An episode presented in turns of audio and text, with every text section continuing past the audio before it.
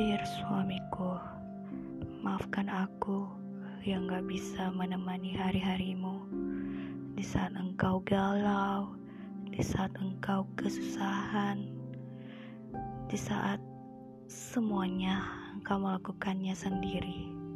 Maafkan aku, suamiku.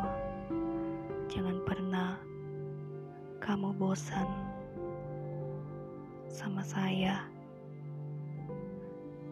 Jangan pernah bosan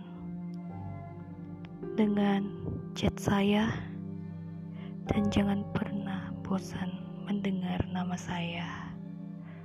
Aku selalu mencintaimu, menyayangimu hingga akhir hayatku. Maaf, aku belum bisa menjadi istri yang baik menjadi istri yang engkau dambakan. Maafkan aku.